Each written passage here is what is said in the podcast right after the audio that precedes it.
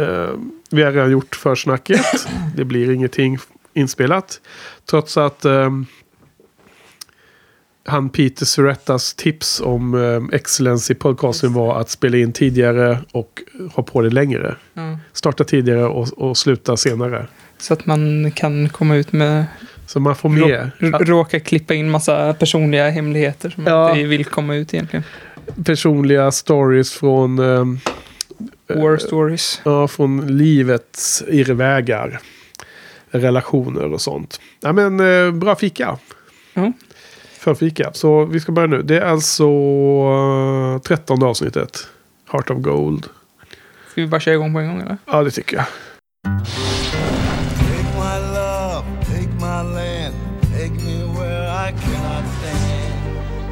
I don't care, I'm still free.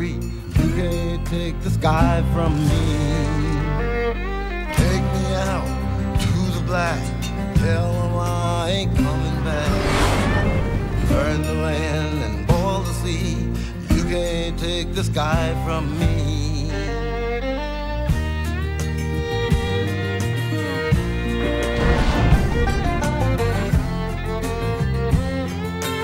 There's no place I can since I found serenity. But you can't take the sky from me.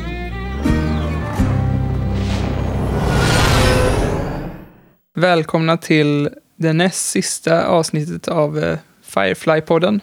Idag Ja. ska vi prata om eh, Heart of Gold. Och, eh, har, du- har du skrivit upp regissörer och sånt där? Eller någon data som du brukar ha? Ja, det har jag ju lite.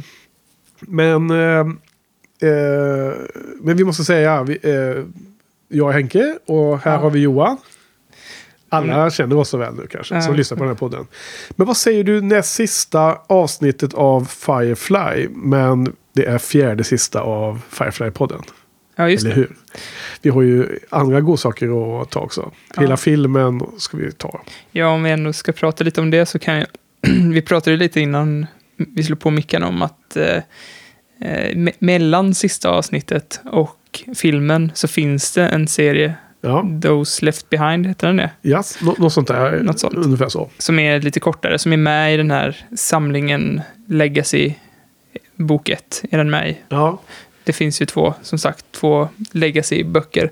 Eh, och den är med där. Så den tänkte vi läsa. Men kanske inte avhandla i avsnittet om filmen. Men dyker upp så dyker det upp liksom. Men Vi, vi ska läsa den och vi kommer säkert få avhandla den lite. Men, vi ska ju ha ett dedikerat avsnitt för serierna efter filmen. Ja, absolut. För filmen kommer ju säkert ta upp eh, mycket tid ändå att prata om. Ja, precis.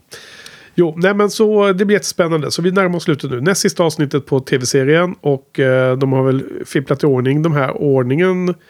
Eh, eh, på ett ganska bra sätt. För jag, jag tycker de, de knyter an i varandra ganska väl. Och hu- hur... Eh, hur... Eh, ja, det leder upp till senare i filmen då. Mm. Ja, just det. Jag sa ju näst sista avsnittet av Firefly-podden. Ja. därför det blev helt fel. Ja, det var Okej. därför min, min lite så här ordningssinne slog till. Ja. Men du, eh, written by och directed by, det har jag skrivit upp såklart. Och eh, written by är ju Brett Matthews. Är det någon du känner till? Nej, jag känner inte igen Nej, alls. nej, precis. Det var ju tur. Det var en liten eh, så här, eh, vad heter det, Eh, taskig, taskig överlobbning så. Eh, jag tror inte han har gjort så mycket på IMDB som det ser ut. Utan han är ju writer för det här avsnittet. Och sen står han uppskriven som, på både Buffy och Angel som assistant to Joss Whedon. Mhm. Så han är någon assistent där. Och om jag inte helt missminner mig på tal om eh, serietidningar och comics. Så tror jag faktiskt att han har jobbat vidare med de här eh, Firefly Comics. efteråt. Ja, ja, det känner jag igen. Eh, och oklart, han kanske har gjort det även för eh, Buffy och, och Angel. Ja. Eh, det, det får den intresserade lyssnaren kolla upp själv på internet. För det har inte jag utforskat. På IMDB står det Known for Vampire Diaries och Supernatural bland annat. Ja, just det, men det är senare. Ja, jag, jag skriver bara upp sådana serier som är direkt anslutna till uh, Whedon, Okej. Whedonverse. Eh, på ett eller annat sätt. Eh, nästa är då Directed by, så är det då Thomas J. Wright. Och eh, han hade ju gjort eh, två Angel-avsnitt tidigare, i alla fall, regi för. Mm. Och så gjorde han detta. Och eh, sen så återkom han ju faktiskt i den här tv-serien Castle. Där Nathan Fillion spelar huvudrollen. Eh, Så det är anledningen till att jag nämner den. Och där har han regisserat en herrans massa avsnitt. Så att där verkar han ha varit mer en, eh, en sån regissör som ingick i teamet där under längre tid. Jag tror det var tio avsnitt eller något sånt där han har regisserat. där. Ja, så det var, det var inte några jättekända namn då för det här avsnittet. Och det, på något sätt känns det lite som ett, eh, ett forgotten episode på något sätt. Ja. Det försvinner lite i, i mängden eh, när man börjar lista de bästa och favoriterna och så brukar det vara. ja, Om man lyssnar på fans. jag kan tänka mig det. Att det, det är ett litet mellanavsnitt på något Ja. vis. Mm. Men nu får vi ju äntligen en rejäl western-tema känns det som. Eh, som vi alltid pratar om Firefly som western in space. Och det här är ju verkligen western. Nej, Western in Western. Ja, Det är till och med så att deras, de inte ens kan flyga, de kan inte använda skeppet eh, av olika anledningar. ja, Så att eh, det är verkligen Western Western. ja. Och eh, annars är det ju ganska mycket eh, fokuserat på drama och ganska sagolikt avsnitt. Och eh, en hel del om de här relationerna då. Och inte minst mellan Mal och Inara då. Som Mm. jag tycker är ganska spännande alltid att följa. Tycker det är en bra storyline. Ja. De har ju eh, Nandi, den här, eh, hon som äger Heart of Gold. Det, Mm. eh, den bordellen. Eh, hon, hon, jag kände igen henne så jäkla väl. Jag har ju Okej. sett serien förut och jag Ja. har även, hon är ju, jag har ju sett henne på bild när vi spelat eh, brädspelet väldigt mycket. Ja. Så, men jag, det, det var någonting annat och jag läste på IMDB att ah, okej, hon var med i The OC, så det var väl säkert därifrån jag känner igen henne. Och sen bara, bara liksom sköljde det över mig vart jag känner igen henne, för det är från CSI. Jaha. Har du kollat på CSI? Jag tror att jag har pratat om CSI förut, men Nej, men det har vi nog inte gjort så mycket. Inte som jag kommer ihåg i alla fall. Ja, det- här original CSI med, med Grissom, Ja, det är från Las Vegas va? Ska det vara. det kanske, det är det nog. Ja. Mm. Och eh, det är, när jag tänker på det så känns det som att det är så himla likt hel, hela det här triangeldramat. För, och till och med i CSI så tror jag att det finns ett western tema-avsnitt. Men alltså har hon varit en... eh, en eh, Alltså en, en av the, eh, the cast eller hon varit Nej, jag- gäst? jag- jag- hon varit jag- gäst Jag tänkte komma där? till det. För att hon är ju precis som i Firefly. Ja. Hon är ingen del av crewet utan hon är bara en återkommande. Nej, det är hon ju inte i Firefly kanske, men ja, men som Saffron då som Ja. kommer tillbaks. ja, precis. Hon är återkommande och hon har eh, väldigt lik relation med huvudpersonen Grissom då. Okej. Som jag... För mig har det varit lite som min Missy Giles. För det, den här CSI kom ju en tid där det var ganska, i och för sig fanns väl Firefly då, men det var ju ganska innan den här boomen av tv-serier kom. Okej. Det känns som att CSI var, var med där när den boomen startade i början av 2000 kanske. Okej. Eh, Men jag var väldigt förtjust i honom och han hade ju en liten will they want they relation med en i det fasta crewet där. Okej. Och sen kom hon in då, vad heter hon som spelar Na- Nandi? Nej, det, det kommer jag inte ihåg. Nej, men hon kom in där och, och var en dominatrix. Okej. Så att det är ganska lik eh, den rollen som är där och undrar om inte hon hade någon bordell där också. Det, det, för, det känns som att eh, jag kommer ihåg någon slags eh, Ja. bordellliknande ställe där hon var liksom chef över eh, olika dominatrix. Och hon i den, i CSI var också så här otroligt smart och, och Grissom fick inte bara... eh, Jag tror att han fick ut mycket av att prata med henne. Liksom. Ja. För hon var ju typ som Inara, expert på relationer och sånt där. Nu känns det som att jag pratar om saker som jag. Det var ju jättelänge sedan jag såg CSI. Ja, nej men alltså jag, jag blir bara nyfiken. Jag, jag har inte sett så mycket av den serien. Även om det har flimrat förbi på, på sådana reruns som går hela tiden känns det som. Mhm. Eh, på tvn. Ja, jag kollar ju inte så mycket på Nej. TV. Nej, jag kollar inte på det. Jag har nog aldrig sett ett enda helt avsnitt då. då. Nej. Eh, men CSI och sen så fanns det något i Miami och så fanns det något i New Ja, det York. kommer ju hur många sådana som helst. Ja, och, och sen var det den här, något annat. Men jag har för mig att, eh, var det inte... någon känd regissör som gjorde något CSI-avsnitt. Ja. Var det Tarantino eller? Ja, precis. När han blev begravd där. Levande Ja, begravd. ja, precis. Ett dubbelavsnitt tror jag till och med. Ja, exakt. Så, jag tror att det... Okej, nu gissar jag bara. Det, det, här, det känns som att det är fakta. Ja, men det, det är Men det att- vi är här för. Att det var säsongsavslutningen Ja. och att del två var säsongsbörjan av nästa Ja, säsong. Eller sånt okej. där. Så att Coolt. man, eh, det var jobb i väntan liksom. Ja. Har jag för, det, här, det här är bara fakta i mina känslor tror jag. Ja. Nej, och jag, jag kan inte varken eh, bestrida eller, eh, eller verifiera detta. För att jag, jag har ju inte sett det. Utan jag bara... Det är, som, det är min relation till CSI. Att jag vet att det fanns något där från Tarantino som man borde ha sett. Liksom, Mm. Men som det aldrig blivit av. Men jag var väldigt förtjust i, det var också en sån serie som jag fick ner olagligt. Så att jag Okej. följde det på, Men alltså, är det inte lite som vissa av de här serierna som... som det är liksom väldigt samma sak hela tiden. Varje avsnitt är väldigt likt. Ja. Är det inte så? ja. Och, men det är kanske är det som är bra då med den. Ja, ja, om jag skulle se om det nu skulle det säkert vara jättedåligt. Men jag, det finns ju någonting tryggt i att man så här, Ja. veckans mord. vet Six Feet Under var ju också så här väldigt, det började alltid väldigt liknande, att man får se någon dö på något knasigt sätt. Ja. Så. Och det, det känns som det finns något tryggt i det. Och sen så Ja, bara ja, där, alltså jag- relationerna som utvecklar sig där, långsamt, långsamt. Liksom. Och det kändes också som att de personerna där i CSI inte, de hade inget riktigt privatliv utan de var helt insnöade på sitt jobb så att eh, relationen och sånt utspelar sig i jobbmiljö också. Ja, ja. Nej, alltså det är ju jättespännande. Det är ju bra genre med crime och med så polis, så här pro procedurisk polisarbete. Där man ser hur de liksom går tillväga för att lösa det. Jag tycker det är bra. Mm. Eh, men, men som sagt, jag har inte eh, råkat eh, slinka in på just den.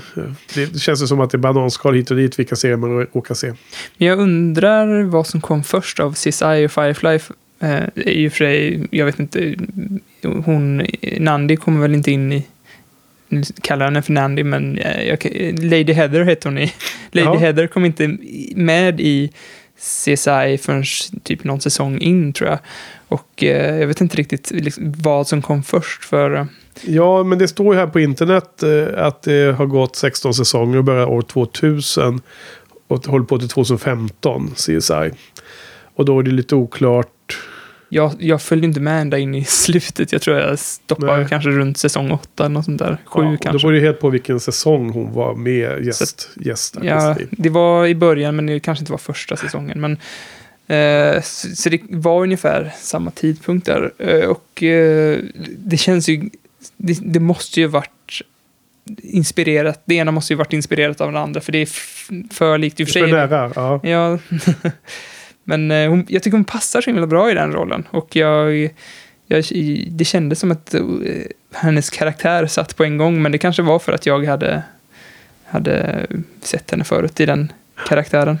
Jag vet inte riktigt. ja, nej, jag vet inte heller. Ehm, men ehm, på tal om sådana här ehm, väldigt uh, shower som bara har samma setup i varje avsnitt. Och det är ju det här Castle ett sånt exempel Mhm. för övrigt. Där just Nathan Fillion spelar. Och det är ju njutbart. Det var ju kul. Hur många säsonger är det uppe i den då? Ja, det är ju slut nu då. Eh, och det blev väl åtta tror jag. Det orkar jag inte se. Nej, alltså han, uh, den är ganska kul ju. Det, det är en sån där mysig serie. Som Är det 20 minuters avsnitt? Nej. Nej, det är sån 40 drygt. Och det är en uh, Will They or Won't They su- subplot som är väldigt central. Mm. Och, eh, och det är liksom så fort de ska få till det så händer någonting. Och så blir någon kidnappad eller så händer något annat. Och så. Det, är, så- det är hela tiden det där. Kan man säga. Men det är också lite som, jag kommer, jag, alltså när du nämnde Si- Six Feet Under så även Castle inleds ju då med ett sånt lustigt, eller inte lustigt utan udda eh, dödsfall eller mord. Då. Jaha. Alltså alltid, och det blir mer och mer konstigt liksom. Alltså det, det är som de verkligen försöker tänka ut de allra mest galna sätten som folk kan ha dött på då. Mm. Blivit mördade. Och, eh, och sen så ska ju då den här polisen som, som eh, Castle föl, jobbar med eh, lösa det här då. då så börjar de bena upp det. Ja, lite så. Ja, men nu åter till Heart of Gold då. Det är ju ett eh, avsnitt med mycket hjärta och smärta i. Det är mycket Heart of Gold i det här också tycker jag. Mhm. Håller du med? Jag funderar på det. Vad, vad, vad i serien tycker du är som är liksom Heart of Gold? För den är ju ändå så här ganska råbarkat avsnitt också. Ja, Och heart, Broken Heart snarare. ja Broken Heart of Gold kanske. alltså den, den väldigt simpla kopplingen jag gjorde var väl mer att det handlar om um, um, kärleksrelationer. Ja. Det här triangeldrama mellan Mal och Inara och Nandi. De, Mm. scener, eh, de absolut bästa scenerna i avsnittet är ju ehm, efter att Malcolm och Nandi har spenderat natten ihop. Och sen möter ju Mal Inara ute i hallen där Mm. efteråt. Eh, den, den dialogen är ju sprängstoff tycker jag. Och sen när Inara blir, som hennes re reaktion då. När, när vi, som, den är jättebra tycker jag. Mm. In, inte för att hon är ledsen, för det, det, verk, det verkar i bröstet på en när man ser det. Men alla hennes, alltså det kommer äntligen fram hur hon känner för honom. Mm. Och vi får liksom den, den, den känslan levererad på i, i det, det, det, så, det ligger inte under ytan längre. Nej. Och den andra scenen som jag tycker är alltså minst lika bra, men den är mycket, mycket mindre. Det är ju när Nandi kommer in eh, i ett rum, jag tror det är de håller på med den där födseln där. Som Inara håller på och hjälper Simon att, att vad heter det, förlösa Petalin eller vad nu heter. Mm. Då kommer ju Nandi in och så bara en, en blick till på Inara så, så ser hon direkt att det är fel liksom. Och så säger hon, eh, Nandi säger till Inara att jag, jag visste inte att du, att du liksom, punkt, punkt, punkt. Mm. Att du eh, var intresserad eller att du älskade Mal. Inara. I thought it was just him that. Andy, believe me, I'll be fine. Det, det som hur, hur de läser av varandra så himla snabbt för de är gamla vänner plus att de är båda companions. Och sen då hur, hur Inara svarar. Det förväntade att hon skulle säga nej men jag, jag, jag bryr mig inte. Men hon säger ju inte det. Hon säger bara I will be, be, be fine. Mm. Så hon, hon så förnekar ju inte en en enda sekund. Hon, hon erkänner ju exakt det som Nandi sa. Bara för att det är hennes väninna. Hon kan inte ljuga för henne. För det skulle bara vara genomskinligt. Mm. Så hon säger det bokstavligen i, i uttalat liksom. Att hon var helt eh, krossad av det där. Ja, på det sättet är det ju väldigt förlösande att eh, det inte ligger och bubblar längre. Men, Ja, det är ju det. Och, och, och sen då, sista scenen är ju också hör ihop med det här. När, när Malcolm liksom chockad över att Nandy har blivit dödad och eh, är borta för alltid. eh, Säger att, att tid, så han pratar om att tiden försvinner och han känner sig through, uh, truthsome, eller vad han kallar det. Mm. Liksom sannings... Känner sig att vill prata om sanningen. Och så säger han ju till henne att han vill ha henne. Jag kommer inte ihåg exakt hur mycket i klartext det var. nej, nej, men det var det som jag lite tänkte komma till också. Att, eh, alltså just den, den delen var förlösande i början där. Att det äntligen kommer fram. Och sen den, den här scenen var väldigt irriterande å andra sidan. För att, för att eh, eh, de är på väg och liksom, han är på väg att säga hur han känner. ja, Och hon märker typ av det och liksom stoppar honom och säger nej men jag måste berätta först att jag ska ja. ge mig av. ja. så, och och, men att hon ger sig av sig är ju, det är inte det som är irriterande, men det är bara det att, att de liksom de hänger den här eh, köttbiten framför Ja. oss och som bara rycker undan den i sista Ja. sekunden. Det är bara det, det som är så jäkla irriterande. ja, det är det ju på många sätt. Eh, och samtidigt så tycker jag att det skapar massor med intressanta funderingar som man kan eh, sitta och prata om på en podd om, om Ja. serien. Jo, men precis. Det är bara att de hade kunnat eh, framföra dialogen lite rakare och inte höra Ja, på. visst är det frustrerande att de inte, inte ens när de känner sig extra sanningssägande kan prata i klartext med varandra. Men på något sätt så är det ju något som hindrar henne att, att ta emot Malcolm i sitt liv på det sättet som, som eh, alla vi tittare på något sätt eh, kanske hoppas hoppas på eller åtminstone tycker verkar rimligt eller att de passar ihop eller vad det nu kan vara man tycker. Mm. Jag hoppas ju på det. Men det vet jag inte om alla andra tittare gör. det får väl andra. Vadå? Jag kan bara fråga dig till att börja med. Sitter du heja på Mal och Inara liksom? Vill du att de ska bli ihop eller tycker du att de är bättre isär? Eh, Eller har det ingen betydelse? mm, ja, jag tror inte jag är riktigt sån som ju- just hejar på relationer. Jag vet inte, det kanske är... Ja. Jag, är inte rikt, jag är inte riktigt... Det kanske är bara för att jag sitter bredvid dig och du är så himla påhejande på den relationen. Men, men eh, jag vet, det är väl ibland så får de så här att deras eh, relation sprakar till lite grann. Men, men ofta så är det... Nej, jag vet inte. Jag har inte någon riktigt stark åsikt Nej. om deras relation. Nej, men, eh, alltså, det, alltså, I första hand vill man ju ha bra historier. Och sen får de historierna ta en till olika platser. Men, men medan man leds av showen i olika riktningar så har man ändå känslor om man, om man typ sympatiserar med relationen eller ej. Liksom. Och, och det, det är det jag absolut gör i det här fallet. Menar, om man jämför med Buffy så var det ju flera gånger man inte var lika pigg på ja, relationen. men det måste jag hålla med om. Det är ju Bu- absolut Buffy och Riley. bättre och, än alla Buffys relationer. eh, Willow och... Eh, vad heter hon? Eh, nu står det still huvudet för mig. Det är mig med. det var fan pinsamt. Ja. Ja, Och oss. ja, Willow och Oz var ju bra. Det var, det var inte nej, vad du tänkte på. Nej, Ta- Tara. Tara, ja, just det. Åh. Vi har ju levt med, med Buffy-podden i... Hur länge var det väl på? Ett och ett halvt år ungefär, eller? Inte. Ja, ja, men man tappar. Jo, men... eh, Ja, du vet, och Buffy och Angel kontra Buffy och Spike och vilken är bäst och så här. Jag menar, det här är ett av mina favoritkärlekspar. Så det är klart jag hejar på dem liksom. Mm. Och, men där, det är ju något som är väldigt mystiskt. Och på tal om de här serietidningarna och sånt då. Eh, Det ska bli jättespännande att läsa de sista eh, storiesarna som jag... Jag har inte läst allting själv ännu. Du har inte heller läst alla va? Nej, nej, inte Nej, någonting. För du har ju precis köpt dem. Ja, Jag har ju haft dem här ett tag, men jag, jag tänkte jag skulle läsa dem nu inför poddningen ju. Så jag har ju, jag har läst några, men jag har inte läst allt, allt. Och jag, jag, det är en sån här jättestor nyfikenhet runt Inara. Och varför, varför lämnar hon Shinon, som Nandi pratar om? Mm. Hon hade ju liksom det här en bra karriär där och kunna bli house mi- mistress eller vad nu hette. Vad heter det? House madrasses eller vad det hette. och... ehm, Hette det Nej. Jo, det... Husmadrass. Det nej, låter- men... Det, house, ja. mellanslag, madrassas, var ju det. Vad är madrassa som någonting? Det är namnet på det, det, det är liksom companion-ställe de, de båda lärde känna varandra på. Okej. Det är precis som husen i Harry Potter. Det är ju House, Ja. Slytherin House, eh, Ja. Gryffindor och så vidare.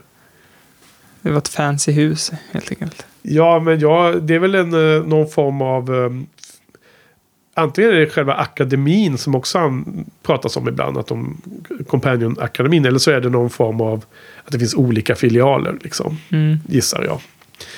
Men att hon lämnar det och att hon absolut inte kan liksom ta in den här kärleken i sitt liv. Vad är det som hindrar henne till detta? Det är ju det som är så spännande. Kan jag tycka.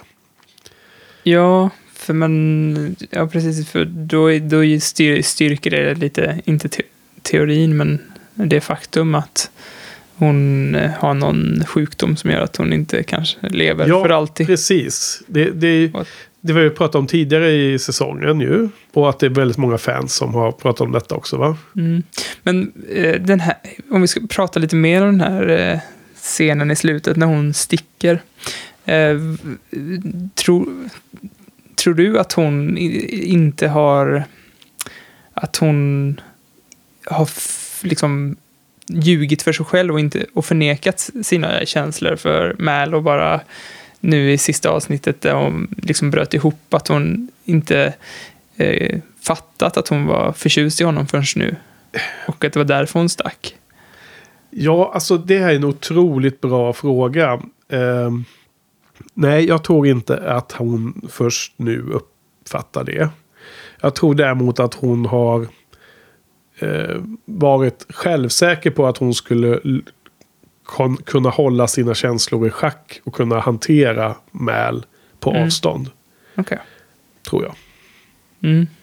liksom, jag, i mina ögon är hon ju en otroligt eh, eh, stark person och otroligt kapabel i, i, i, i många perspektiv. Men framförallt på att hon är jättestark person i, i, i sig. Liksom. Ja. Självkänsla och sånt där. Och som du sagt, att det är det hon delar med Mal.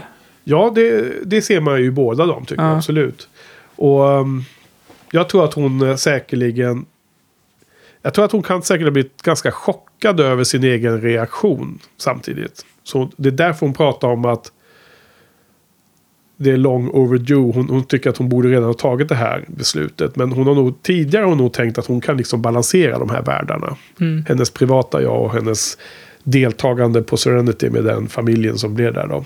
Men när hon liksom när hon ställdes in, inför faktum att Nandi hade att Mal hade gått till sängs med Nandi och att hon också liksom kopplar ihop det här, eh, precis som Mal och hon pratade om att Nandis eh, styrka och kärlek till hela den lilla gruppen gjorde att det höll ihop Heart of Gold.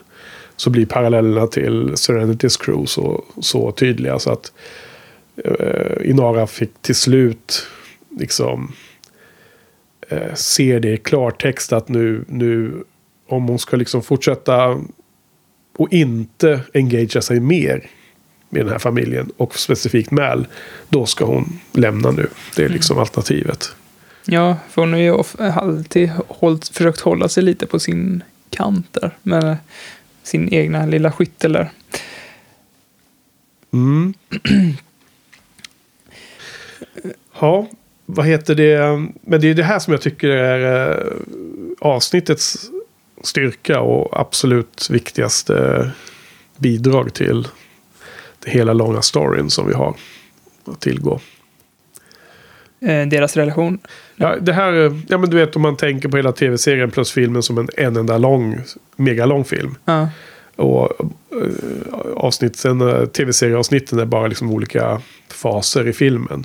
Så i den här lilla delen, liksom när det gäller eh, shootout och eh, den här subplotten med Rance Burgess och så. Det är ju, som, det är ju verkligen minor Firefly. Det är inte liksom det viktigaste. Men i detta avsnitt så har vi den här utvecklingen. Det är en av- nyckelhändelse Ja, för exakt. Fireflies. För hela, för hela Om man ser det som händelser och inte som avsnitt. Liksom. Precis, om man det, bryter ner det till ännu mindre delar så är det, vad är det, det här avsnittet bidrar med så är det just Mal och Inara storylinen tycker jag. Ja.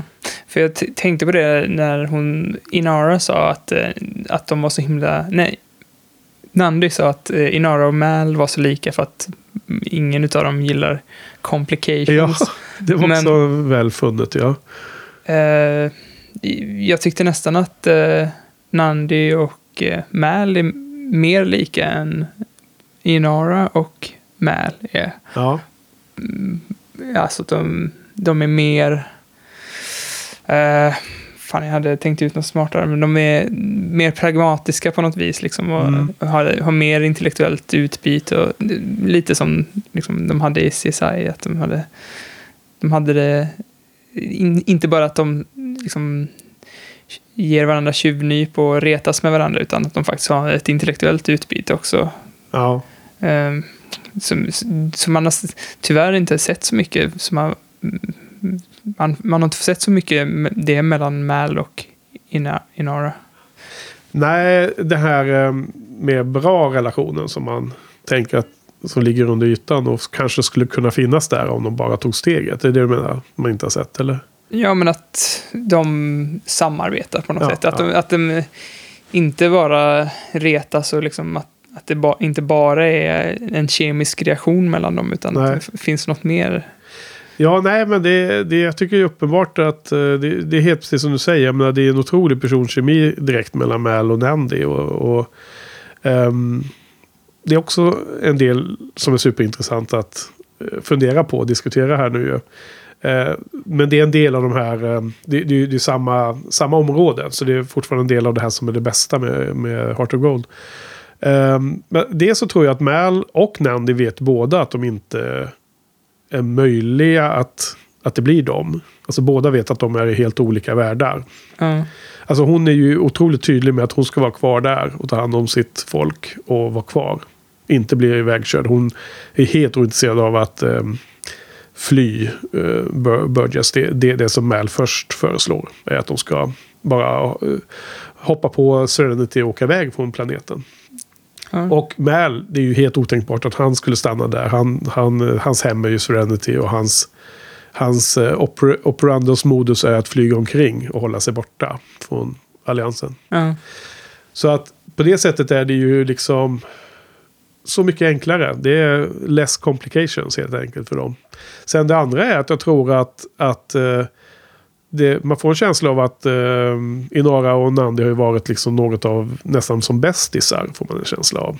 För de är väldigt så här måna om att säga att de skulle hört av sig mer. Och, och de är liksom...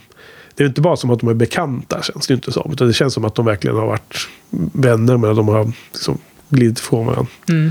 Så att det är väl kanske så att de är lika också i någon mening. Jag menar, Mal ser ju kanske... ehm, det kanske finns saker i Nandis eh, sätt att vara som påminner om Inara och tvärtom. Mm, jo, absolut. Eh, har vi något mer som vi vill ta med? Jag, jag tänkte, det är väldigt mycket, alltså det känns som att de, deras relation nådde någon slags peak här, men eh, eh, Simon och Kaylee, deras relation har ju typ stått och trampat vatten väldigt länge nu. Ja, Man- absolut. Eh, hade vi något i det här avsnittet med Simon och Kaeli? Ja, lite va? Lite i och med att eh, de hade ju, som de kallar det, boy horse där på bordellen. Och eh, Kaylee undrade om de eh, served Ja. women kind at all. Och eh, klagade på att hon aldrig blev ex, ex, quote, examined eller något sånt där. Ja. Hintade åt att Simon skulle examina henne. Och, eh, och Simon liksom bara ignorerar sig hela den grejen. Ja, det är väl den här scenen när Simon ska börja eh, hjälpa Petalin med, eh, Ja. med, med eh, födseln som är på väg. Mm. Han ska undersöka henne och så blir Kaylee kvar där med Wash. Som, som säger till slut att hon är pretty. Mm. Ja, eh, precis. Det, hon får inte mycket attention. Nej. Eh, den stackars Kaylee. Nej, men det känns...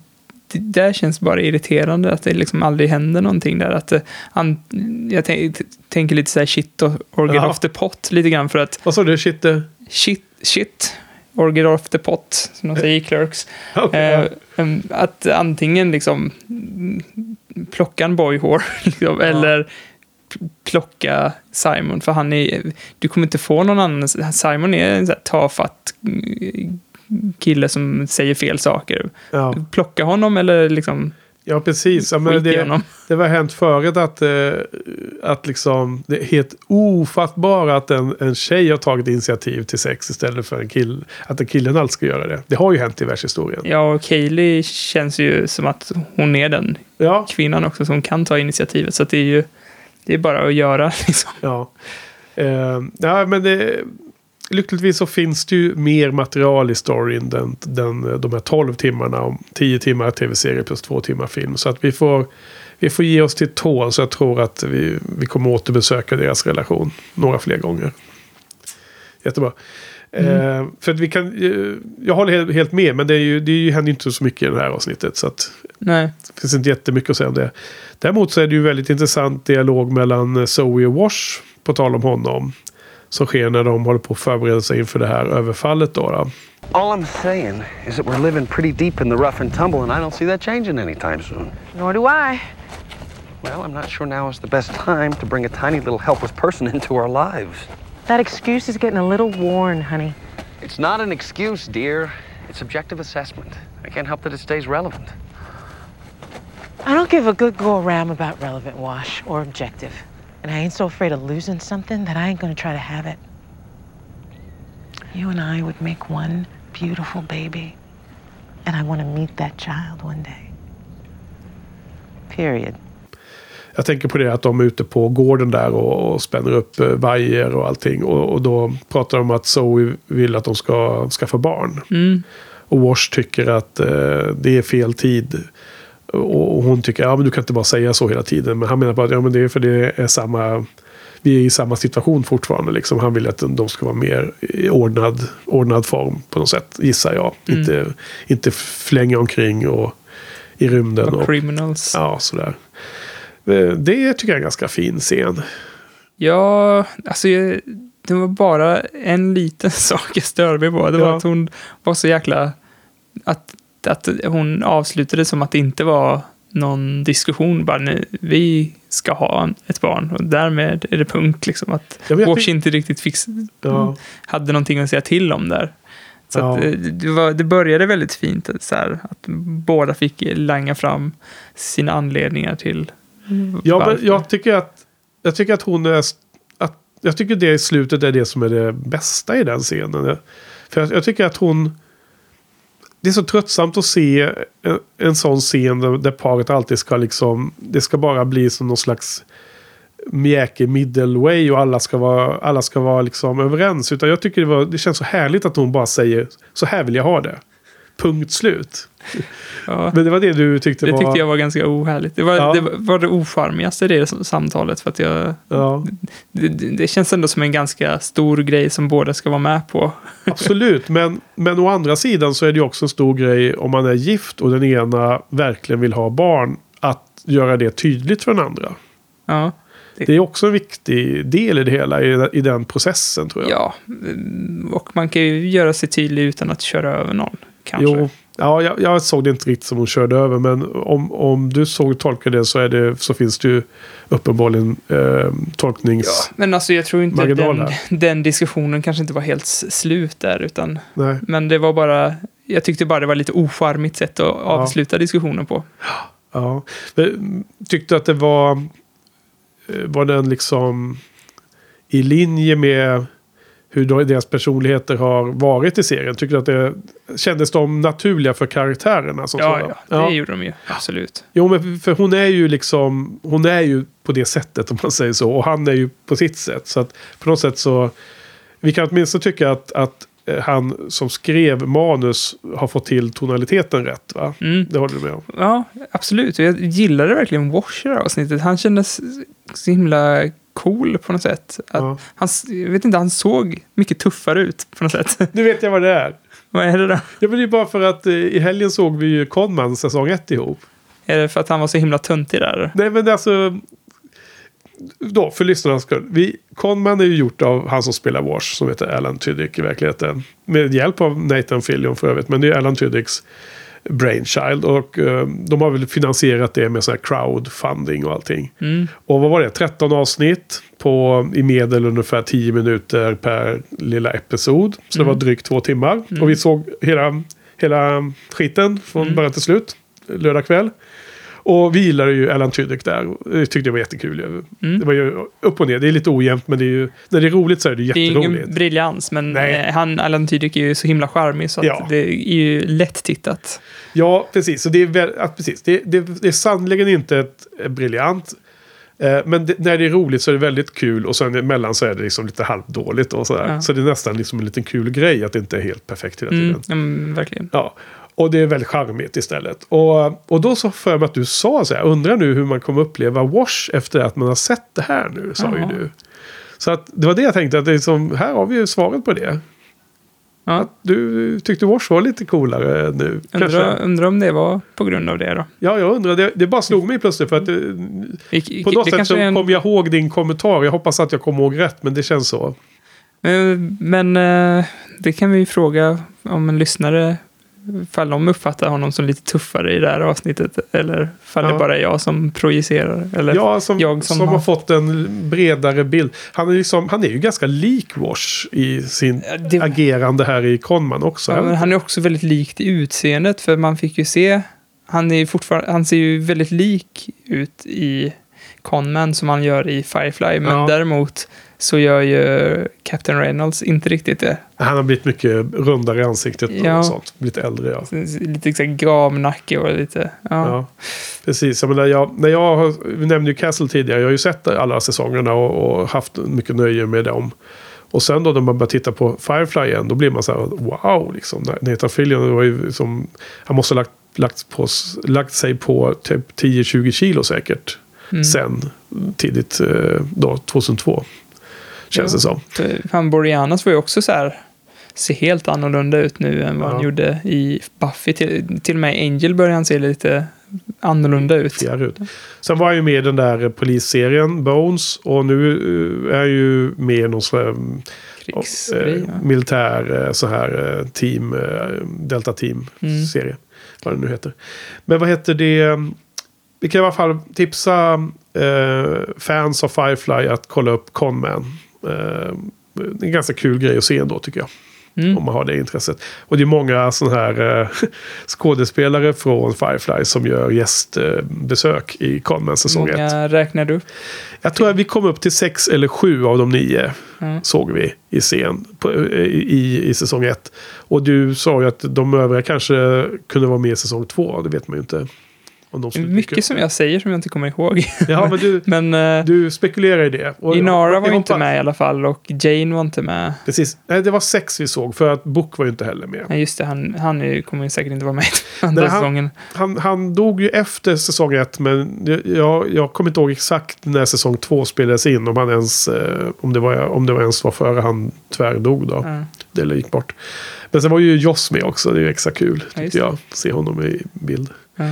Ja, ja. Nej, men så var det en liten eh, av, avvikare. Så att, men ehm, ja, jag håller med. Alltså, jag tycker alltid Wash är härlig. Så att ehm, jag köper absolut att han var mm, skön här. Jag, Ja, men jag tänkte att han såg tuffare ut. Inte skönare, utan Ja. tu- tuff, manligare. ja. sätt. Ja, det är fortfarande att det- de, de spelar han och, och Kaylee när de kommer tillbaka till Serenity och det finns tre busar där som ehm, skjuter på dem. Ja, då var han inte så manlig. Han Nej, rymde där och så skulle då- ducka skotten där. Det, men jag vet inte, det var no, någon, något sä- liksom sättet han eh, levererade sina repliker på var väldigt Ja. självsäker på Ja, just det. Nej, det, det är ju... ehm, Då, då var det lite mer sån här, ehm, den här typen av humor. eh, Som de körde mycket i Con, men att de hade mycket sån här slapstick-humor. Mm. Han, han kör ju det då. Ja, nej, men jag, jag tycker i alla fall att Zoe Wash, den här scenen är härlig. Och, och eh, eh, det är väl också någonting vi får återkomma till i framtiden. Jag såg en liten sån här trivia-sak runt det här. och det är att det blir, är fel skrivet i de engelska subtitles på boxen. Och eh, det stod om DVD-boxen men jag såg att det var exakt samma fel på Blu-ray. Alltså om du slår på engelsk subtitles. Ja. För det brukar jag ha på. Jag tycker det underlättar mycket att se avsnittet med texten. Mm. Då så säger han så här. Han säger It's an objective assessment. Så pratar han om deras livssituation. Att det då inte passar att ha barn nu. Mm. Och så säger hon, ja men det har du redan sagt så det blir gammalt nu det, det argumentet. Men då säger han, men, men det är ju samma. Vi är ju i samma läge liksom. Mm. Men de översätter det till subjektiv istället för objektiv. Jaha. För han säger liksom, det, det är som, det är ju, om det är en objektiv assessment så är det bara ett fakta liksom. Som, det, det bara är så. Ja. Men o- o- översätter de till subjektiv så är det ju, betyder det något helt annat. Liksom. Då, är hela den, då blir hela den eh, dialogen helt wacko. så att det är lite lustigt. Det, det var en trivia. Mm. Men ja. Man brukar ju använda den repliken på liknande sätt ändå. så, ja. Men eh, Vilket, eh, alltså, jag har ju använt att säga att det är objektivt. Fast Ja. jag menar att det är subjektivt. just det, liksom, men man det är bara för att du är eh, advanced och modern och eh, vissa saker är ironiska hela Asch. tiden. Asch då. Mm. Ja, Men eh, vad tycker du om eh, Burgess då? Eh, Den här boven som är... men han är ju, han är ju äcklig alltså. Man gillar ju inte honom. Nej, han är lite äcklig. Eller? Ja, men det är, jag är nästan beredd att hålla med där alltså. Ja, Han, han är inte helt fräsch. nej. Ja, han, jag, eh, jag tycker att han är en jäkla ärkeskurk. Alltså, han är nästan eh, lite...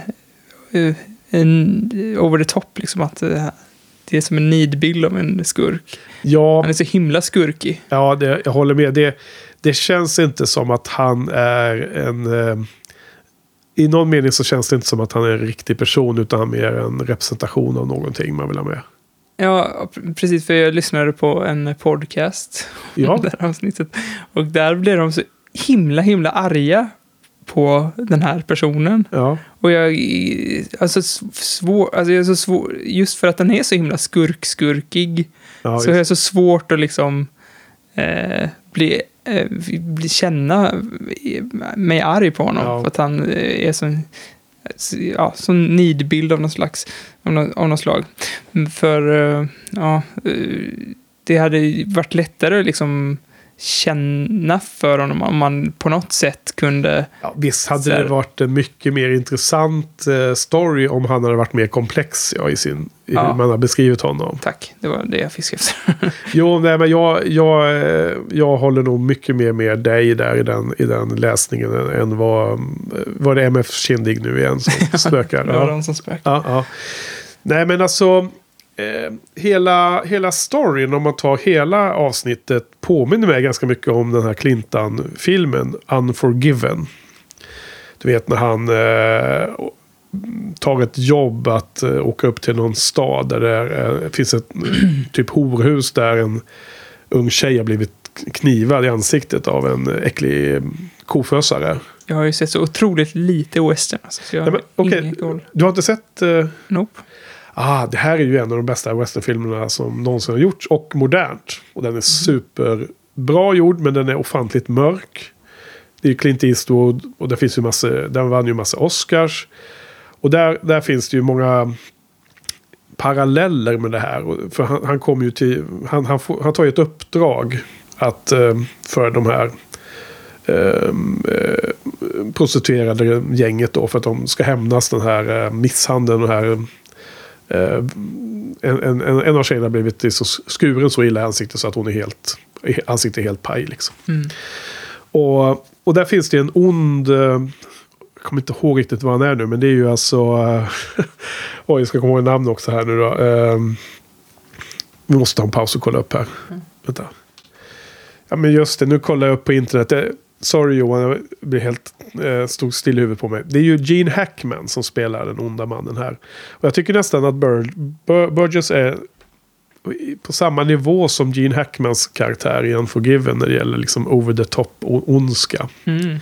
Och, eh, men det funkar väldigt bra i Unfor Unforgiven så att jag vet inte. Är, om du inte har sett den här filmen då skulle du absolut ta chansen att se den då. Någon gång. Ja, ja. Vi, vi, får ta och titta på den här i, Filmkväll. i den lilla film, eh, filmsalongen för tre här. Snedstreck poddstudion. Ja, precis. precis. Nej, men eh, för om man... Det kanske är att han, de gjorde honom så himla, himla elak. För att eh, den här avrättningen skulle vara eh, motiverad i slutet Ja. av eh, avsnittet. Ja. Kanske. Kan vara. Det är ju eh, tillbaks till det liksom att det finns någon slags... Eh, vilken själ har serien? Är det okej att döda eller behöver det finnas liksom ett good enough reason eller inte? Liksom? Det, det är en tonalitet man vill hitta rätt i. Mm. Och den här serien känns ju... Den är mycket, mycket snällare än vad långfilmen Unforgiven är. Det, det är ju en svin hård värld. Alltså det, Mm. det är otroligt eh, hemsk värld. Ja, man skulle nästan... Det skulle nästan varit, kännas hårdare den scenen om han hade lite mer komplex eh, eh, karaktär. Ja. Att, eh, att det inte var helt självklart att han skulle mördas där.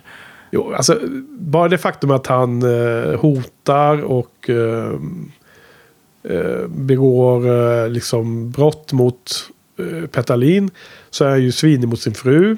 Eh, men än så länge så har han liksom mer eller mindre bara sagt att han vill ha ett barn. Men sen är det ju den här scenen med Shari när, och, när han liksom eh, svinar sig mot henne där i mitten av avsnittet. Och Då, är han ju liksom, då har han gått över alla gränser. Så att liksom, de lägger verkligen upp för att han ska dö liksom. Ja. Det, det, det, det, kan man ju se på lång väg. Det, var så jävla konstig scen egentligen. ja, Att det, för det var ju inte bara med att han ja. tvingade ner henne på knä, utan det var ju att han stod uppe på ett hus, att alla liksom Ja. visade upp det för alla. Ja. ja den, är, den är ganska... Den är lite... Den är, den är ganska... Den, det är konstig tonalitet i den scenen tycker jag. Det blir, man blir lite förvånad att det kommer en så pass ehm, brutal scen då i Firefly tycker jag. Känns Ja. det som. Ja, och de bara hintar lite grann. om- Ja, okej, du får inte se det, men jag, nu, nu pratar jag om det man tänker sig. Att man vet vad som... Ja, ja, det var Det- det fattar du också? Jag Ja, säger inte att det finns några som helst tvivel att det, Nej. vad det var som hände där, för Nej. det fanns ju inte. Nej. Det var bara att det var väldigt fegt filmat, liksom. Att man, Ja. Nej, men liksom jag vet att du eh, eh, la, kommenterar och vill ha märke till den här liksom, när man dödar någon nästan för ett skämt då, då eller för ett skämt i eh, The Train Job när de sparkar in Crow i, i motorn. ja. Då är ju som, de har ju kommit en viss bit på väg när man helt plötsligt har den här scenen med Shari här liksom. Det är, det är en väldigt stor skillnad på de scenerna ja, men samtidigt så kände jag att den... Ja, jag blir irriterad på den för att de, de hintar bara... Alltså det är samma som jag blir störd på, att man dödar folk. Att man liksom... Man, man vågar inte göra det en riktig scen av det, utan man bara hintar lite grann och så får man själv tänka sig hur det funkar liksom. Ja, men, men menar du att... Eh, nej, men nu förstår jag inte riktigt hur du menar faktiskt. Måste du förklara lite. Nej men att, man är, att det, det är ju en ganska vidrig scen. Ja, och, ja. Men, men eh, ja, typ som jag vet inte om det var War Horse eller något sånt där, att man liksom får se de här, eh, man får inte se avrättningar och sånt där. Man får, man, Nej. det är väldigt, eh, väldigt lätt att titta på. Det är väldigt lätt att titta på hemska saker. Att Ja. man gör det lätt för tittaren att se på det. Men eh, om det ska vara så himla lätt att, att titta på, då kan man ju eh, vi göra en, ett annat avsnitt som är lite roligare att titta på istället. Om man ska behandla tunga ämnen, då får man, då får man göra Du det vill att de ska ordentligt. Liksom. löpa linan ut lite mer. Ja, ja li, lite mer i alla Ja, fall. man kan inte både ha kakan kvar och äta den liksom. Nej, för ja, jag, jag har svårt att formulera det, men det, det, det är som att man eh, eh, tar lite för lätt på saker och Ja. ting. Ja, jag vet inte, jag, jag, på något sätt så känner jag ändå att, att um, ens rättspart, rättskänsla heter det väl, blir liksom ändå, får ändå tillfredsställelse när han, när han möter sitt öde i slutet av avsnittet. Det, det, det sluter ju liksom loopen där på, för honom. Så på, på ett sätt så behandlar ju showen att han är ett jäkla svin men han, han får vad, what's, what's coming to him liksom i slutet. Så det, på ett sätt så tycker jag det, det känns i alla fall, om inte, till, inte så att man står och jublar så känns det ändå som att, ja bra på något sätt då, om man säger så. Även om det låter lite konstigt att tycka att det är bra att hon sköt honom. Ja, alltså också den scenen så hade det varit nice om man hade lite mer komplexa, kän komplexa känslor inför att eh, man bara avrättar någon på det viset. Ja, Men eh, jag tycker också samtidigt att det är ganska... som för oss eh, Ja. tittare? Ja, precis. Ja. Mm, Och jag...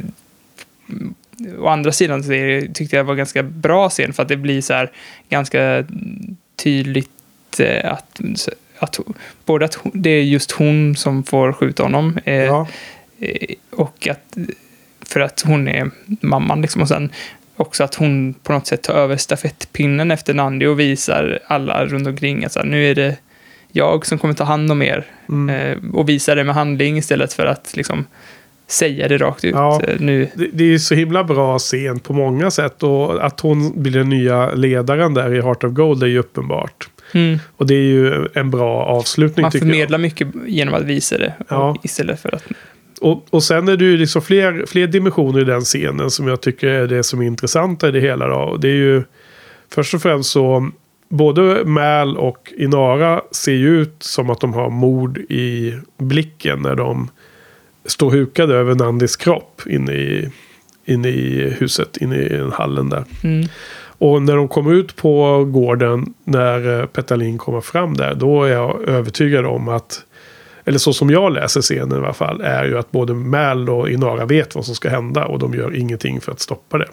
Mm. De liksom ser att den här lösningen kommer göra dels att han får, sko, eh, han får liksom betala för mordet på Nandy, men det kommer också liksom eh, ja, göra så att Heart of Gold kan vara kvar där i framtiden.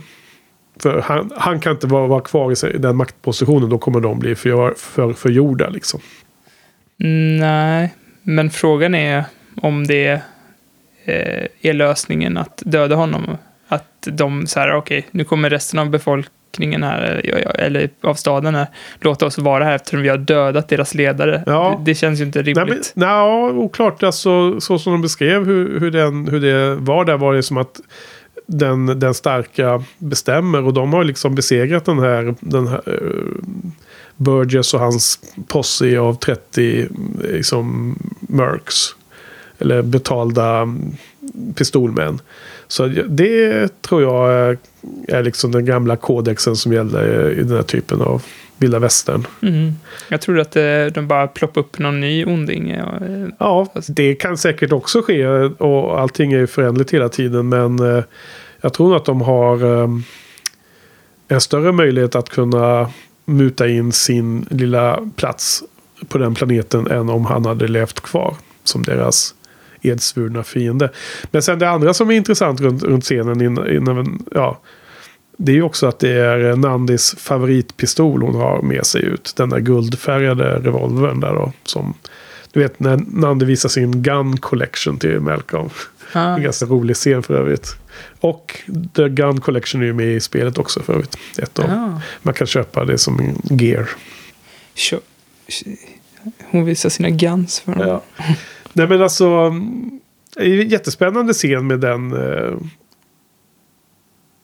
Med den. eh, eh, De lagren som är där om huruvida vet Mal och vet Inara om vad som ska hända och, och hur, varför reagerar de, varför stoppar de inte henne och så vidare.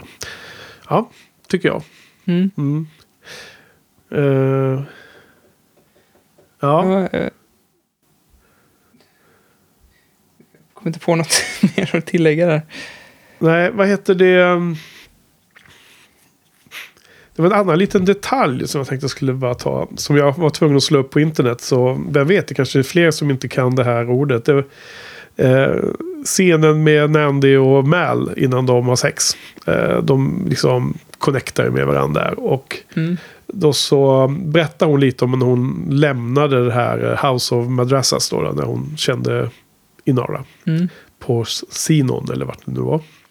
Jo, men då, då berättade hon att det var någonting. It was the dulcimer, säger hon ju. Kommer du ihåg det? Hon, Ja. det? Det fanns någon eh, lärare som hade, de hade spelat något eh, musikstycke, eh, barock. Jaha, det var det det var. Eh, hon hade spelat ins- ett eh, instrument förstår man ju då. För jag fick ju slå upp vad dulcimer var. För, för hon sa ju att hon, hon bara tröttnade på allting och så slog hon sönder the du- dulcimer. Jaha. Kommer du ihåg? Ja, jag kommer Ja. ihåg. Ja, men det är en symbol av alla instrument. Slog hon sönder en symbol? Ja, det är jättelustigt. För det första att han kritiserar henne för att hon bara spelar den. och Hon inte liksom feel the dulcimer eller vad han sa. Du vet, något sånt där flummigt. Och hon blev så irriterad så hon slog sönder den då. Som whiplash. ja, ja. Men liksom, det är en sak om det är en eh, fragil eh, fiol liksom som man... Om man slår den i, i, i golvet lite hårt så går den helt sönder. Men en symbol, man tänker att den är jätte... Svårt att slå sönder. Liksom. Ja. Ja, det var dulcimer. Det har vi lä- lärt sig ett nytt ord. ja. Eh, sen en annan liten eh, spaning som jag av mer av den personliga karaktären. En liten anekdot om jag får skjuta in det här. Ja. Den här sena timmen denna kväll. Eh, hela det här Heart of Gold, hela det huset är ju, som det är ett horhus då. då. Det påminner mig jättemycket om ett museum, ett horhusmuseum som jag var på i somras när jag var på, eh, på semester i USA. Mm. För jag var ju med min eh, kompis eh, Per som har flyttat med familjen till Denver. Och vi åkte ju norrut. Så vi var i mm, Wyoming, Montana, Idaho. Ja, lite norr om Colorado i alla fall. Och då var vi bland annat i staden Butte, Montana. Som för övrigt, om, om man ser säsong ett av Twin Peaks så är ju Ja, är han i Butte där då. Eh, och där fanns det då, upptäckte vi plötsligt, ett, ett, en gammal bordell som heter Dumas Br- Brothel. Och där var det, numera var det då liksom, de höll på och byggde upp och byggde om, alltså renoverade där. För att de skulle kunna ha liksom en sån här liten shop och en liten sån här, eh, kunna ta, ta, ta emot eh, museigäster. Men, men eh, så, så vi var inne och kollade där i alla fall. Mm. Och den hade alltså varit aktiv då, eller öppen då, eh, mellan 1890 till 1982. Och den har varit liksom känd i, ja, i stan och så. Men det var under hela den här perioden, eller hela, det vet jag förresten inte, men under en stor del av den här perioden, jag tänker mig större delen av 1900-talet var, varje fall, så var det olagligt med, med eh, brothels i Montana. Ehm, och så, så det var massor med roliga sådana här eh, historier där inne. Man kunde stå och läsa på sådana här olika planscher och sånt då, i de olika rummen. Eh, om hur de hade liksom olika hemliga gångar och sånt för att det skulle eh, kunna springa undan när polisen kom. Och Det var någon av de här tjej, tjejerna som jobbade där som gömde sig inne i ett vad heter det, ky- kylskåp. Då. Hon Jaha. hade ett eget kylskåp som hon kunde gömma sig i liksom, när polisen kom. Hon blev fridged. Ja, nej, och liksom de hade ja, någon underjordisk gång som ända bort till eh, det är någon gruva där i den stan då. Så att det var där, det var där snubbarna kom ifrån då som, Mm. som smög sig dit. Var, var det inte något sånt i Twin Peaks också? Att man kunde ta sig... Ja just det, det var ju den här, lönngångar. det var ju en stor storyline om den här, vad det nu hette, um, One Eye Jacks eller något sånt där va? Det. Som låg på andra sidan gränsen in mot Kanada i det fallet va? Kunde man ta sig dit med någon lönngång eller sånt där? Kommer inte Nej. riktigt ihåg, det var något sånt va? Det var, Kan- kan det vara? fick en känsla av det. Ja, men det var i alla fall att det var um, hemliga um, stigar och sånt upp till. För det var ju på andra sidan gränsen. Mm. Så det var ju no- någonting om att ta sig Mm. uh, via. I alla fall, nej, men det var ju en kul grej.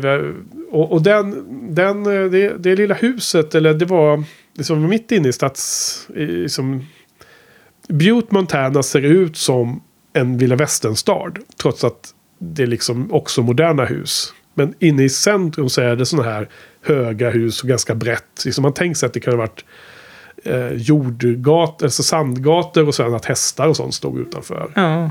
Eh, och, och husen ser så här gamla ut. Så att eh, det var en väldigt så här suggestiv miljö. Och där inne var det, såg det väldigt likt ut som det gör i det här horhuset i Heart of Gold här faktiskt. Mm. Den, den här gången där- Nandi blev skjuten av laserpistolen och dog. Precis sådana små eh, gångar var det flera där i.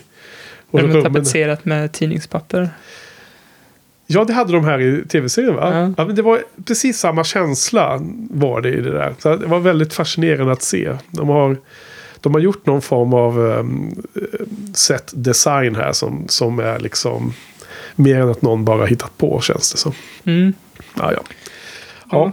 I MF Kindig så pratar de lite om eh, eh, att när det här med att eh, Mal spionerar, eller spionerar, han eh, tjuvlyssnar på Inara. ja. Och då pratar de väldigt, jag håller inte riktigt med, men de pratar mycket om att Mal inte respekterar hennes gränser och hon kan inte sätta gränser för Mal. Nej. Men jag kan ju hålla med om att de inte respekterar varandras gränser överhuvudtaget. Men att de också, eh, jag tycker ändå Inar har liksom kunnat sätta gränser. Bara att Mal inte respekterar dem ja. och vice versa. Men, eh, men hela den här... Eh, eh, att, det, att det kan vara lite osympatiskt att, att stå och lyssna. Det, det, det tror jag kan, liksom att man inte har fått hans kontext riktigt. Och då, då känns det bara som att han kan ha stått där och tjuvlyssnat hur länge som helst på Inara. Tänkte du någonting på det? Att, eh, Alltså hela han, eh, han säger ju han säger ju att eh, han hörde allting för jag stod där och tjuvlyssnade. Så att ja. Alltså den kom ju också efter inledningsscenen i hela avsnittet som jag tycker är en av mina favoritscener i, den här se- det här avsnittet också. Och det är när han sitter och fipplar med sin, eh, sina pistoler där Ja. vid kök, köket, vid bordet där. Och eh, så kommer hon in och eh, fnittrar för övrigt som jag aldrig hört i några tidigare. Fan, det skrev du till mig och så glömde jag lyssna efter det andra gången jag kollade på avsnittet. Sorry. Didn't mean to startle. You didn't. I was just, uh, Ja, alltså det är så himla roligt för att hon kommer in och verkar vara på jättegott humör. Och eh, så håller hon på och driver med honom ganska ordentligt. Ja. Och han liksom tar ju det. Och det är absolut inte elakt. Utan det är ju väldigt så här... Eh, eh, mysigt gnabb om något. Ja. Känns det som. Tills han, hon igen då nämner... Beskriver honom någonting som petty crook eller petty vad det är. Just det där ordet petty om du kommer ihåg. Att Ja. Det var någonting han blev så himla störd över. Som jag i alla fall upplevde det som. Ja, just det, de fick, en, eh, de fick ett eh, samtal och då sa han det kanske är för en petty thief. Och så Ja. var det inte det, utan det var till Inara. Ja, exakt, för att hon har redan innan han säger det. det är ju, han, han säger så bara för att han, hon har redan sagt det ordet i den dialogen. Jaha. Då blir han ju lite så här. Hi. Sorry. Didn't startle. You didn't. I was just, uh, wow! That's more like a, it's a warrior like. Strikes fear into the hearts of, you know, not altogether wise. Sneaking up on a fellow when he's handling his weapon. Sure, I've heard that said. But perhaps the dining area isn't the place for this sort of thing. What do you mean? It's the only place with a table big enough. Of course. In that case, every well bred petty crook knows that the small concealable weapons always go to the far left of the place setting. Got a distress call coming in. Some folks asking for help. Really? Folks asking for help from us petty crooks. Well- maybe I should take that right away. Well, it's for her.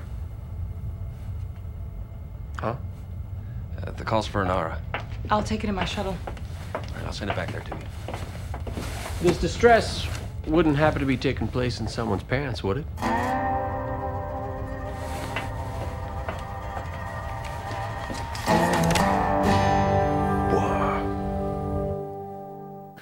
Jag tror att han blir störd och sen så. När det upptäcker sig att eh, det är Inara som har fått samtalet. Då, då, det är då han skickar sin liksom. Sin elaka sak tillbaks. Och då säger han, jaha, kan det vara någon som har panik i byxan eller vad han säger. Det. du vet sådär. Och då, då ser man att hon går från att vara så här.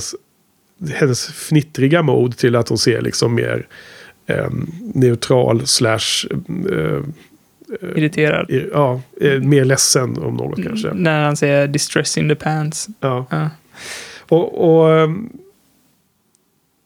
så jag vet inte, jag tycker nästan att han, när han sen uh, tjuvlyssnar det, i och med att han går in och, det, det, det är ju liksom inte sen någon konfliktsökande att han, han säger att han eh, har stått och tjuvlyssnat. Utan jag tycker nästan genom att han direkt deklarerar att han har stått och tjuvlyssnat så är det nästan som att liksom be om försöka liksom komma på god fot med henne igen. Genom att liksom vara så öppen med det. Liksom. Inte, inte försöka göra en grej av det också som de ska käbbla om. Ja, ja, absolut. Nej, men, jag tänkte inte ens på att, eh, att han faktiskt eh, eh, hade en anledning att tjuvlyssna för att han, i den scenen innan då, att han blev nyfiken där. Och det, men att han säger only because I was eavesdropping, dropping, det, det känns ju bara som en så här standard som så här, den charmiga, stökiga killen i klassen alltid kommer undan med att vara charmig liksom. Det, jag vet inte. Ja, kanske lite så. Men är det inte också att ibland så ska den där som ska skärma sig ur sånt ska då liksom eh, förnekar också lite vad han har gjort och liksom bara skämta bort det med något annat sätt. Men här är lite så här avväpnande mer hennes ilska. Att bara säga som det är. Liksom att han har gjort det. Mm. Alltså det erkännandet i sig tror jag inte alltid är en eh, typ nummer ett när man ska skärma sig ur en situation. Då skulle det också vara att glida undan lite ansvar. Kan jag tycka. I alla fall om det är en sån här irriterande jävel som ska skärma sig ur allting. Som aldrig vill ta ansvar. Här är lite, lite som att hands down liksom. Du, eh, jag är avslöjad liksom. Ja, kanske. Kanske, jag vet inte. Men eh, jag, jag, jag, jag, tyck, jag tyckte inte det var så helt osympatiskt. Speciellt inte när jag tänker på att, eh, att det fanns en anledning till att Nej. han var Och- nyfiken och inte bara... Han stod inte... Det är inte en grej han gör. Så här, en grej han gör ofta, liksom, att han brukar hänga där och tjuvlyssna. För om man inte hade kontextet med scenen innan så hade det ju... Ja, då, kunnat vara varit, så. då har det varit lite mer eh, strange. Ja, Men, eh, men svar på din fråga som jag kanske inte sa eh, var att nej, jag tänkte inte på att den scenen var eh, anmärkningsvärt i det perspektivet som du beskriver. Att de pratade om den frågan. De pratade om att det fanns något spel, något, jag tänkte, registrerar inte helt, men att det fanns något spel som heter Bois, med tanke på att hon kommer in och skrämmer honom. Han bara, ah! Ja, just det. Sen, Ja, men jag, det såg jag också någonstans att det var någon eh, så här eh, kustomiserad variant av något spel som heter Boom som då hade döpts till Bois. Eller ja, hur jag nu uttalar det där. Ja. ja, Jag vet inte vad det är för något spel. Är, Är det, är är det det- på datorn eller? Jag vet inte, men eh, vet du om det är en så här grej man skriver på t-shirts som fans går runt med? Bois Nej. på. Nej, faktiskt inte. Jag menar, det finns ju bra många citat från serien som finns på t-shirts. Men jag har inte sett just den. Det kan jag inte påminna mig om. Nej. Nej. Ehm, höjdpunkter då. ehm, Ska vi komma till det? Favoritscener som vi ibland kommer ihåg att, att prata om lite. Mm. Eh, Jag har för mig ett ganska tidigt avsnitt så sa vi ja vi ska, vi ska ta upp våra favoritscener i varje, varje poddning. Men det känns som att vi har glömt det titt som tätt. Mm. Ja, men, eh, första scenen i köket har vi redan nämnt. Eh, sen, vad tycker du om Janes enkelspåriga fokus på sex då? Är det kul i det här avsnittet eller? Eh, ja... Vad har vi det? Att hans penis flyger runt i rummet eller något sånt där. Hans, Ja, den, ja, Pecker, ja, eller han har något namn på den till och med. ja, det var Jag tyckte den, den linen tyckte jag var ganska Vad gjorde han dålig. mer för någonting? Ja, men det, det första jag tänkte på är det här när, Just det! när, när Mal har sagt att vi har det här jobbet men ni får ingen lön. Och då är han ju helt ointresserad och så säger Mal It's horse, I mean. Så. Ja, alltså det är Jag tycker det är lite roligt ändå. alltså det är ju så en jäkla, så jäkla eh, lättskämt. Ja. Men ändå är det så himla roligt bara för att han är så jäkla dead. Ja. Alltså leveransen är så himla bra så att det går ju inte att inte skratta. Ja men det är också så himla överdrivet. Eh, det, det är som att man tar Jane-karaktären och, och skruvar på honom till 11. Ja. One louder. Eller hur?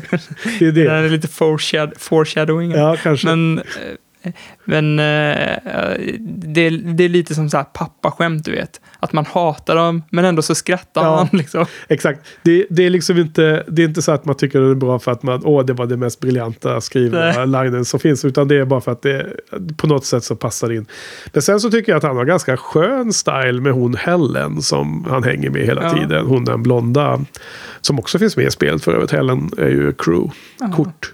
Eh, och jag här, massor med roliga grejer där. De, där de eh, han håller på att visa sina vapen och hans favoriter. Och hon ska ge honom den, den största och sen ska hon ge näst största och så. Ja. Alltså hela den, eh, hela de, de, de scenerna tycker jag är ganska charmiga.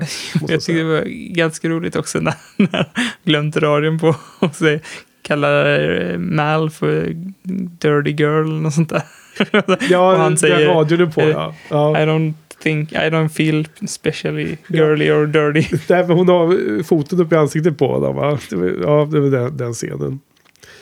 Um, nej, men det sista jag har tagit upp, vi har redan nämnt alla de här scenerna med, med Mal och Nandi och Nandi och Inara och allt det här då. Så det, de har vi redan uh, tragglat. Jo men det, River är ju lite kul också. Hon har ju Ja, ganska udda, udda in, instick här runt uh, födseln. Hon är mega charmig här. Ja, men först säger hon ju It's starting. Och säger ju lite, lite udda. It, it's starting. Ja, det glömde jag också lyssna efter. Ja. Du skrev ju också ett sms till mig där Ja. du sa, skrev Och så, och så säger ju Mal Oh, it's starting. Så han, han repeterar exakt hennes liksom otydliga sägning. För att han bara vet att hon är ju alltid galen. Ja. Hon, hon vaknar ju alltid upp skrikande och är jobbig.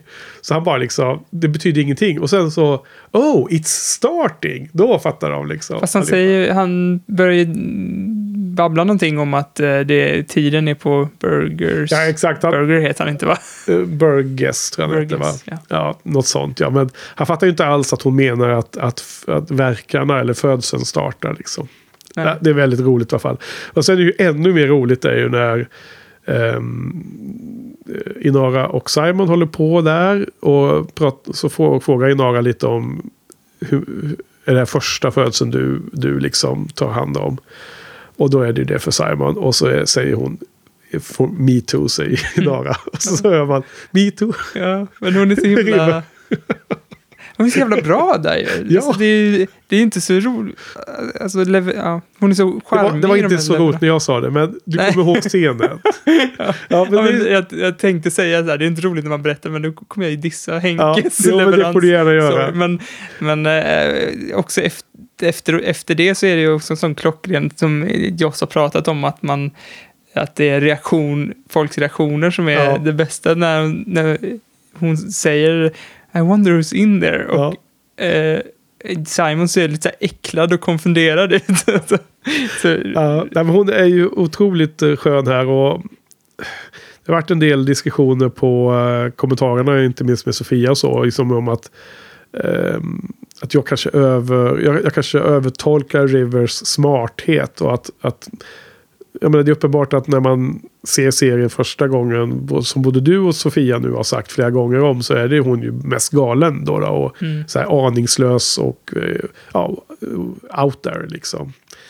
Eh, så, hon, är, hon är ju charmig helt klart. men, men, men, men det är ju liksom... Men Men hennes... det, men det, jag ska bara komma till att det passar in mer att hon är liksom charmig här, men hon kommer fortfarande från det lite så här galna hållet ja. i det här Men det är, avsnittet. det är ju verkligen som ett barn, liksom, fast ett, som har någon slags överintelligens. Exakt, ett smart barn. Det, Ett barn det, som det, så är här jag vill få in. memorerar så här helt konst... Alltså barn kan ju plocka upp så jävla märkliga saker i diskussion bara, och, och komma med så konstiga fakta. Bara, varför, varför kan du det här?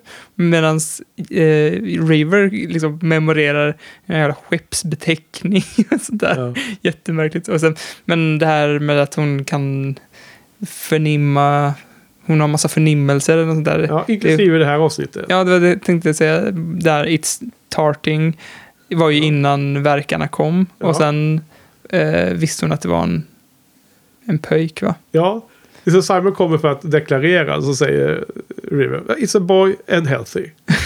vet hon båda grejerna. Ja. Och eh, Burgess vet ju också att det är en boy för han har ju tagit eh, blodprov på barnet. Ja. Eller hur? Ja, så hon var lite kul tyckte jag. Eh, sen finns det också antal fler än normalt än vanliga fall. Sådana här negativa saker som jag inte alls tycker funkar bra i det här eh, Mm. avsnittet. Ska vi prata, om, prata om dem också eller? ja, det kan vi göra. jag jag eh, teasar om det här. Du blir nyfiken nu och undrar vad kan det vara? Ja. Eller har du några, har du några om, saker runt avsnittet som du tycker inte var så bra? Mm, nej, det, jag har inte... Nej, jag bara tänkt om du var sugen på att börja. Nej. Men du, jag, låt, mig, låt mig köra mina så kan du ehm, eh, kommentera dem då. Alltså jag tycker den här sexscenen mellan Mal och Nandy blir jävligt jobbig. Och, alltså inte jobbig att se på så. Men det, det, men det, så som de filmar det. För det är den här arty-farty-kameran igen. Och då, nu återkommer det jäkla irriterande att de så fryser bilden i en sekund. Att det blir så här frysning och så, så hackar det till och så ser, ser man vidare. Precis så hade de i början med på Inara när hon eh, i allra första avsnittet när hon satt och tvättade sig ju. På axlarna och på ryggen Det och så. fryser. Ja, men vi pratade om det då för pilotavsnittet. Ja. Att, och, och du kommenterade att de hade den här... Eh, på linsen hade de ju någon sån här eh, Vaselin. vaselin och sånt för det skulle se liksom mer artigt ut. Ja. Och, nu, och då, då, redan då så var jag störd över att de hade att liksom, det fryser till bilden. Bara för en sån här konstnärlig effekt. Ja. Och det använder de här två gånger fryser den till i den här scenen. Jag, blir, jag tycker bara dåligt. Det, det stör. Jag kanske, ja, jag håller med, det var ingen briljant scen där, men eh, jag kanske är lite, vet du, luttrad av eh, van Gogh som man såg på Stockholm Ja. filmdagar.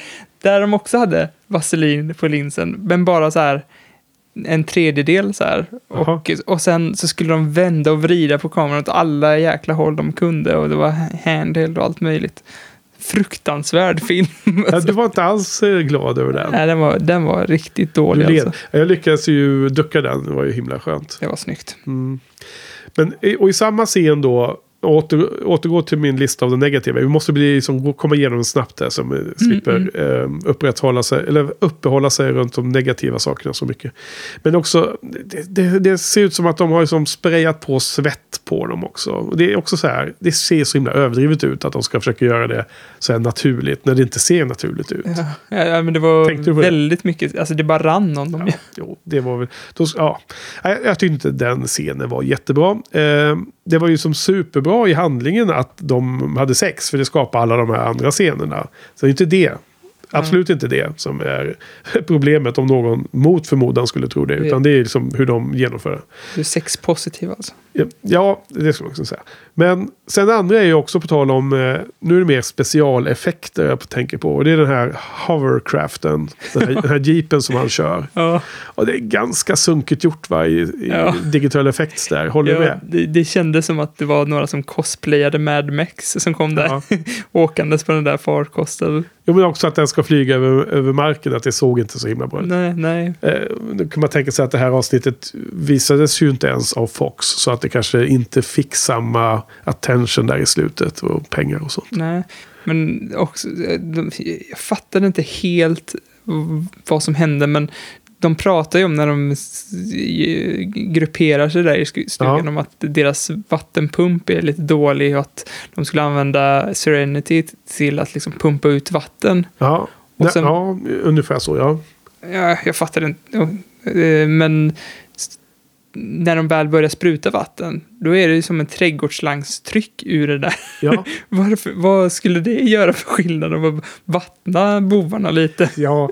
Nej, men det är också dåligt. Jag håller helt med om att, att, att det verkar ju som att de sprutar vatten på bovarna så de liksom faller omkull och blir skadade. Typ, Ja. Eller jag vet Ja. inte. Men i dialogen så är det ju mer, make, mer, mer, mer sens. För att eh, Mal för, förutser att eh, Burgess kommer ju sätta eld på huset. De Mhm. kommer brännas ut säger han. They- okej, they- they- det var det som jag missade då. They, they will eh, smoke us out eller vad han säger. Och då frågar han hur har ni det med vatten? Och så säger han det att de har en, en brunn och de har gamla, gammal sån här pump. Ja. Och då ber ju Mal Kaylee att förbättra den pumpen. Och då säger Kaylee vi kan, jag ska gå och fråga vad, vad Serenity kan hjälpa till med. Ja, ja. Så det var ju menat att hon skulle hitta någon eh, liten eh, pumpaggregat för att kunna... Då förstår jag det där mycket bättre. För jag trodde att, det, att hon skulle göra någon slags sån här kravall eh, Ja, hose av något slag. Det är bara fånigt där. Är det en bock eller vem det är som står och sprutar? Men, men däremot så ser man ju lite då att när Burgess har skjutit med sin laser. Då, då börjar det ju brinna faktiskt på, på fasaden på huset. Så där släcker de det med vattnet först ju. Den där lasern verkar ju asbra. Varför använder de inte den mer? Ja, men tills batteriet tar slut ja. Var det bara ett streck man fick? Ja, just det. Nej, det men sen bara... skjuter han ju med den i slut. Ja, det är också ganska dålig den där scenen när Mal ska rida i kapp den här Ja. hovercraften. Det är lite tråkigt för att, man, eh, för att han hade den här, att han liksom, eh, efter att eh, Nandi dog så blev han så här att han bara, nu lägger jag mm, alla mina känslor åt sidan och nu är bara superpragmatisk. Nu ska jag bara eh, jaga rätt på den här jäveln.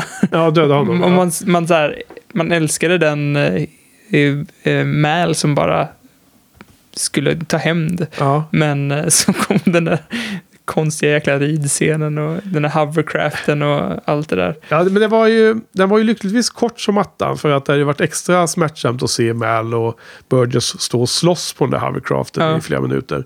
Men nu lyckas han kasta av honom en gång. Och, och sen skulle han ju döda honom där tror jag. Men så ångrar han ju sig för att han besinnade ju sig och förstod att det, det var inte hans plats. Det Eller, var inte hans kill. ja, nej, han, det var inte hans rätt att göra det heller. Och det hade ju varit eh, mer, mycket mer problematiskt om Mal hade skjutit honom än Petalin tycker jag i alla fall. Mm. Och sen den sista scenen som jag då tycker känns lite så här pretto faktiskt.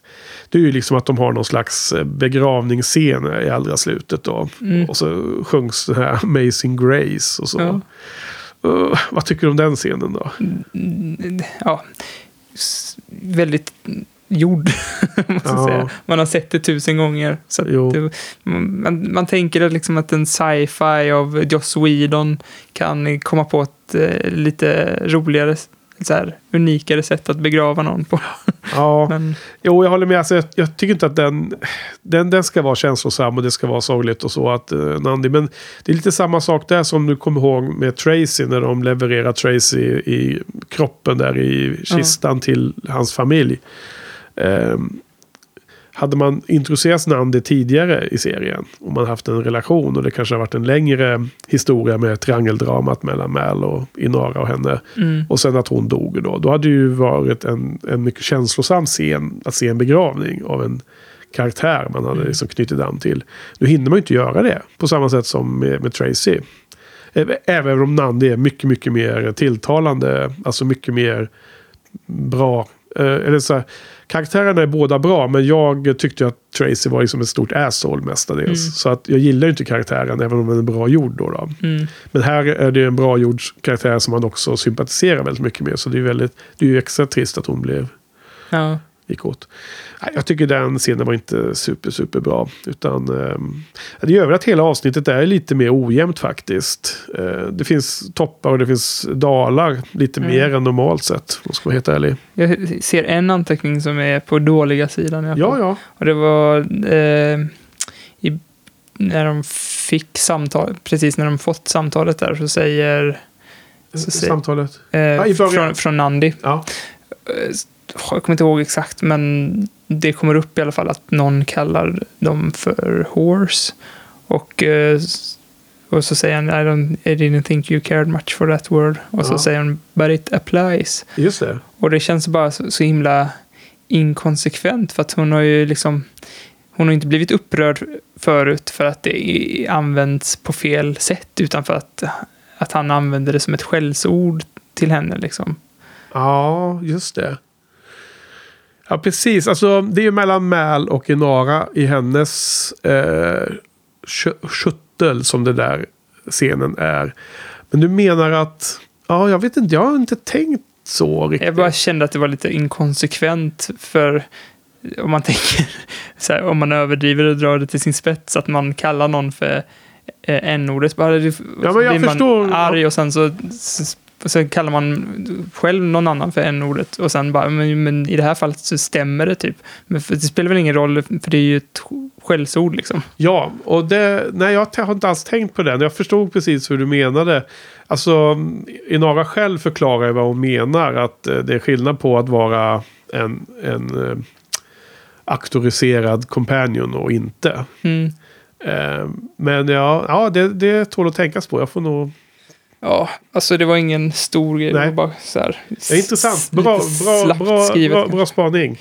Ehm, det det är inte ens säkert att det var slappt skrivet. Utan det var ju snarare mer att det är en... eh, att det bara var så. Att det är... eh, hon ser en skillnad på det där. Alltså för henne är det liksom... Skällsordet i sig kanske är eh, motiverat. I det fallet. Jag vet inte hur man ska tolka det. Att hon tyckte att han inte tyckte om dem. Ja. Ja. jag vet inte om hon kan eh, tycka att det inte är bra att, eh, att det finns horse om de inte är companions. Kan det vara något sånt? Alltså, vad sa du? Kan det vara så att Inara tycker att det är felaktigt att vara prostituerad? Att det finns. Hon, hon är emot det. Men och, um, om man inte är companion. För att det är liksom det systemet är, är, Ja. behövs för att det ska, ens ska få finnas. Men allting som är utanför är liksom, då är det dåligt. Kan det vara så att hon använder ordet just som ett skällsord själv i det här fallet? Ja, Jättespännande. Ja, det kanske inte alls är dåligt skrivet. Det kanske är superavancerat skrivet Men- den här dialogen.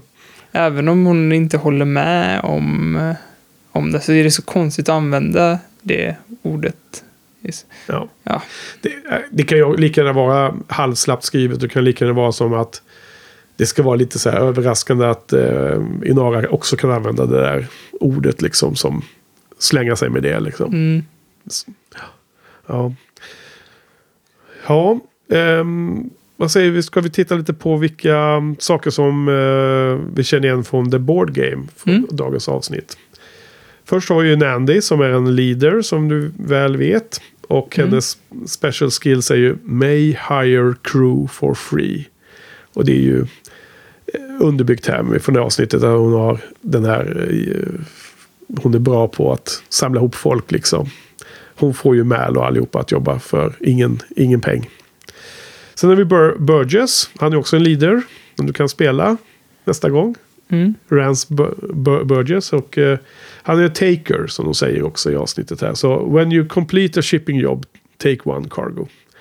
Sen har vi då massor med eh, tjejer som, är, som jobbar och bor på Heart of Gold som finns med som crew. Och det är Helen, Lucy, Emma, Shari.